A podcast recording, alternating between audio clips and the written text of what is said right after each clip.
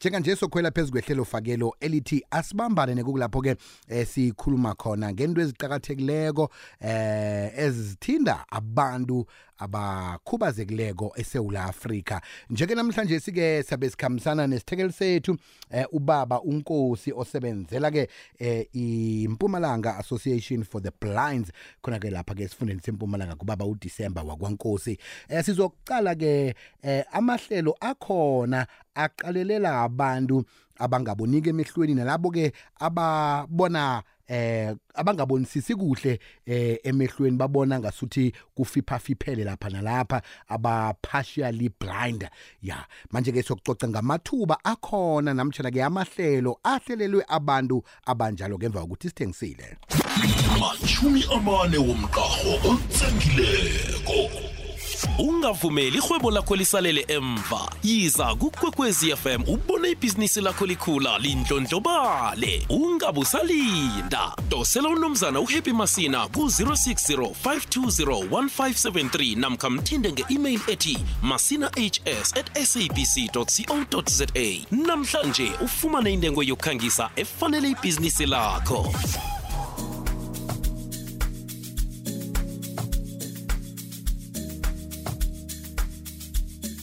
Asibambane lihlelo ke leli sibana noqobe ngabo lesithathu ngalesi sikhathi njeke yasamukele isithekeli sethu ngubaba uDecember wakwankosi babunkosi lotshani Lotsha baba. ninjani ekhaya Siyaphila baba ninjani? yoke into ikhamba kamnandi siyathokoza nje ukuthi sithole ithuba lokuxoxisana nawe namhlanje si Hayi nathi siyathokoza ngempela. aha babunkosi ngibawa ke usiphe eh imandate namtjana ke umnqopho ukuthi kusungulwe impumalanga association for the blind yini umsebenzini Okay. Ukuthi ke kusungulwe ke iMpumalanga Association for the Blind and the Rehabilitations. Eh umsebenzi omkhulu ukusiza abantu abangaboni nabantu ababona kancane okuthiwa ke eh, blind and partially sighted. Sibasize nhlangothi zonke zempilo nakuma challenges eh nakumathuba emisebenzi. Shokuthi ke inhlangothi zonke zempilo nje injongo ileyo ukubasiza. Alo yathoma nini ihlangano le? Eh shokuthi yathoma ke 2020 ya. La eNesprade okay. Manje ke Yeah. siqale amathuba aqaliswe ebantwini abangaboniko nabantu ababona kufiphele. Eh Eh. asicoce ke ngamathuba ababekelwe wona ngoba siyazi ukuthi eSouth Africa phasiyalingana ukuthi umuntu ukhubazeke ngayiphi indlela kodwa ke unamalungelo alingana nawo wonke umuntu osakhamuzi eSouth Africa amathuba khona abekelwe abantu abanjalo. Akhona impela maningi kakhulu. Eh okuwukuthi ke adinga thina eh siwasebenzise amathuba akhona.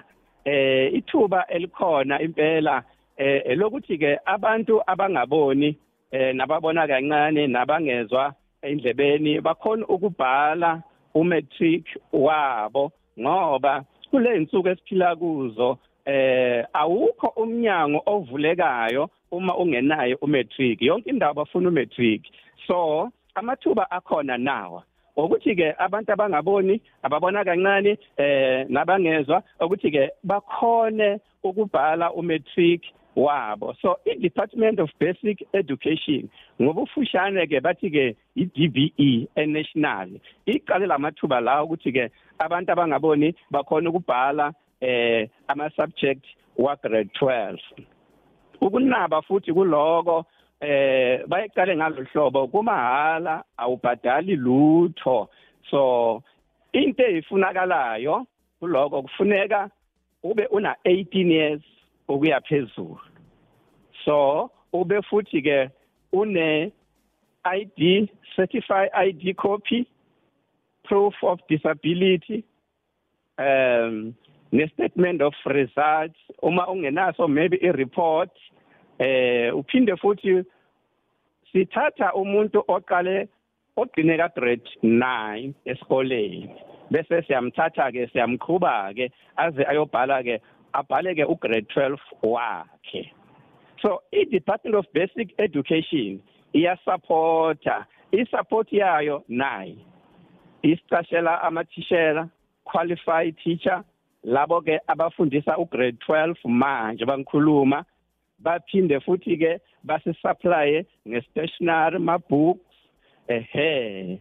So bayisupporta ngaleyo ndlela leyo. So uma kuvalwa izikola ke i-department i-arrange ama camp ukuthi ke sibe nama camp la sifundiswa khona eh lo matric wethu size siyobhala. Iphinde futhi ke isupport ngetransport mahala catering mahala eh nendawo la kumele bahlale khona. Allo umuntu othi mina nje sengimkhulu bangangithatha na? Mhlambe ngina 35 ngina 40 years. Uyakhona ukuthi umuntu loyo aqualify ah uyaqualify ngempela. Akuna age limit. Okay. As long una 21 ukuya phezulu. Akuna age limit. Noma una 50 as long ufuna ukubhala umatric. And umuntu ogcineka grade or ka grade 9 esikoleni angabhala isubject le 1 ka grade 12 na next year njalo njalo until aze aqede ama subject wakhe. Hmm. Alo njengombana nikhona ngapho ngembombela umuntu eh mhlawumbe ungakwamhlanga umuntu lesekhunda bo event bo Kinross ukhona njani ukuthi naye azibandakanye kuleli hlelo? ene le program iyenzelwe umuntu wonke wala empumalanga so into ekhona ukuthi ke basithinte sikhone ukuba register bese bakwazi ukubhala. Siyakwazi ukuthi ke uma sazi ukuthi ke kwamhlanga bayingaki eh maybe secunda bayingaki. So lokho ke umsebenzi wethu as long sazi ngama numbers ukuthi ke bakuphi nakuphi impumalanga yonke. Alo babunkosi njengombana kungu August nje sikhuluma ngokuthi baxola inhlahlubo zomnyaka 2023 namjana u2024 u2024 Okay. kodwa okwamanje icamp kumele iqale manje ngoSeptember ngama school holidays. Baya camp bahlale ndawonye bafundiswe eh na after futhi ke makuvula izikolo baqhubeke after after hours maybe from 2 to 4 every day eh, or ngama weekend futhi njalo njalo. So ukubhala ke bazawubhala next year May June. Aha manje ke kunabanye ke abasebenzisa induku abanye ke basebenzisa izinja ukuthi ke zibakhona ukuthi zikhona ukuthi zibasize baye lapha abafuna ukuya khona. Sicoca nje. Manje ke u- a- laba abasebenzisa inhlabagelo namtjana inlwana ukuthi zikhona ukuthi zibasize nabo bamukelekile na? Na ikhibe mhlambe bamukelekile zivunyelwe into abazisebenzisa kweza ukuthi beze nazo? Zivumeleka impela zonke lezo ngoba angisho ke izinto ezibasizayo. So zivumelekile ukuthi babe nazo bahambe nazo ngoba izinsizwa zabo lezo. Mhm. Eh Njeke eh. asikhulume ngabantu abathi nje thina sinekareko yokuthi singenele ihlelo leli program le. Eh Eh. ba bachingaphi kunenomboro zasipha zona? Eh mhlambe kunama forum azakutholakala abakhona ukuthi benze online bayakhona ukuthi benze ema office abathola kizo.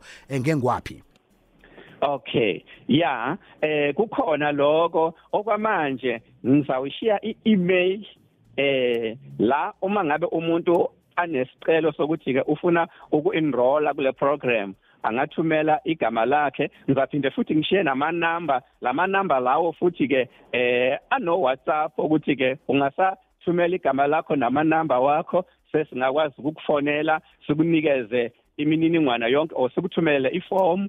Uyabona nje ukuthi uregister eh ne Department of Basic Education. Yezwakala eh mina kwethu nje vele ngicabanga ukuthi asibaphe imininingwana le ezabasiza ngiyacabanga ukuthi balungile nemisobo namaphepha ukuthi bakhona ukuthi eh baxolwe lamtshana baxolelwe nalabo ke abasebenzisa ibraille qaba ukuthi balungile Yes. nje ukuthi bathole imininingwana le nje kanje ngempela even labasebenzisa ibraille nabo ke bamukelekile ngoba eh insiza enjengalezo ibraille eh sizaba zikhona. Even noma ufuna ukubhala ke ufuna ukubhala ngebraille uyakwazi ukubhala ngebraille. Mawufuna ukubhala ngecomputer uvumelekile ukubhala ngecomputer. So ake ngiye kuma email wethu ke la sitholakala khona. Mhm. I-email ke ithi admin at map rehabilitations dot co dot za bawasibuyelele pa admin at meb rehabilitations dot co dot za Mhm. kusho ukuthi lo meb is m a b se rehabilitations as ajwayelekile Mhm. Eh, Njeke dot C- ehe so ama inumber ke e- esinama WhatsApp ke ithi 083 670 8208 basibuyelele 083 Mhm. 670 8208 enye ke 082 74 66 832 so lama number lawa ke ngiyiphinde futhi. I. 082 74 double six eight three two. So ke yilabo ke engisebenzisana nabo eh, uMr. Sibuyi. Sitholakala kulama number lawo ke engiwashiya manje. 24 hours iWhatsApp imukelekile. Ngibawa ke babunkosi ukuthi ke sibuyelele lapha nyana ke i-email address ngoba na ngi- nginawe nje si live lapha ku TikTok kunomunye otlola ukuthi hey angakhona ukuzwa kuhle eh i-Tik- i- i- email address eh umlayezo lobuya kunzunza gezani uthi admin bani? Admin at meb rehabilitations dot co dot za cabanga ukuthi uyibambile iyezwakala bamnkosi mhlawumbe okukhunye faneke sikuveze ukuthi umuntu eh ongaboniko nalo obona bufiphala akwazi Eh. ngaleli hlelo ngengikuphi khona azakwazi ukuthi vele naye limlungele begodwa lingamkhona ukuthi limthuthukise ukuya phambili.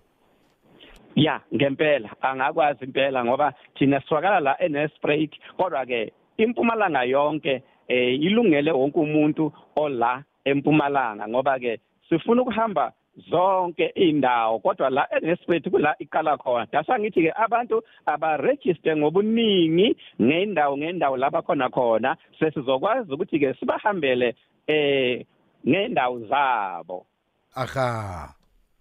Yebo. Babunkosi sithokoza kakhulu kumambala. Nemisebenzi emihle eniyenzako ngibawa niragele phambili. Nibusiseke ukuthi eh nenze nakabanye. Ukuya phambili gcine into le irhatsheka isewula afrika le yoke. Baba siyathokoza kakhulu impela. Hayi ngokukhuluma kwakho sekwenzeke yonke into. Impela kwenzekile konke. Sithokoza kakhulu kwamambala mna kwethu bonga mina. Aha besikhulumisana naye eh, ngubaba uDisemba wakwankosi osebenzela ke impumalanga eh, association for the blind and partially sighted eh nokulapho ke basiza khona ngokuthi ke ube no matric na umuntu ongaboniko asikuphe ke godu inomboro zomtata sitshele zona khona uzazihlolisa nawe. Akunandaba ukuthi uneminyaka emingaki ikali nje udlulile ku-18 years utsho njalo ubaba nkosi. Inomboro yokuthoma ayitshileko ngethi 083 670 8208 angiyibuyelele. Ithi 083 670 8208 kanti ke yesibili ngethi 082 746 6832 082 746 6832 yeni uhlabeni ulawule ma-project la ma-program la angakhona ukuthi anithuthukise eh ukwazi ukuthi ke ube umuntu ongcono kunalo onguye namhlanje si. Lihlelo asibambane ukuhamba nokholini ubiziwa kwamasango ngaphasi kwehlelo lithi sidishile 12 to 3 echisako nake veke zako ngelesithathu godu sabe siphethe esinye isihloko esakwenza ukuthi ube umuntu ongcono ukhubazekile.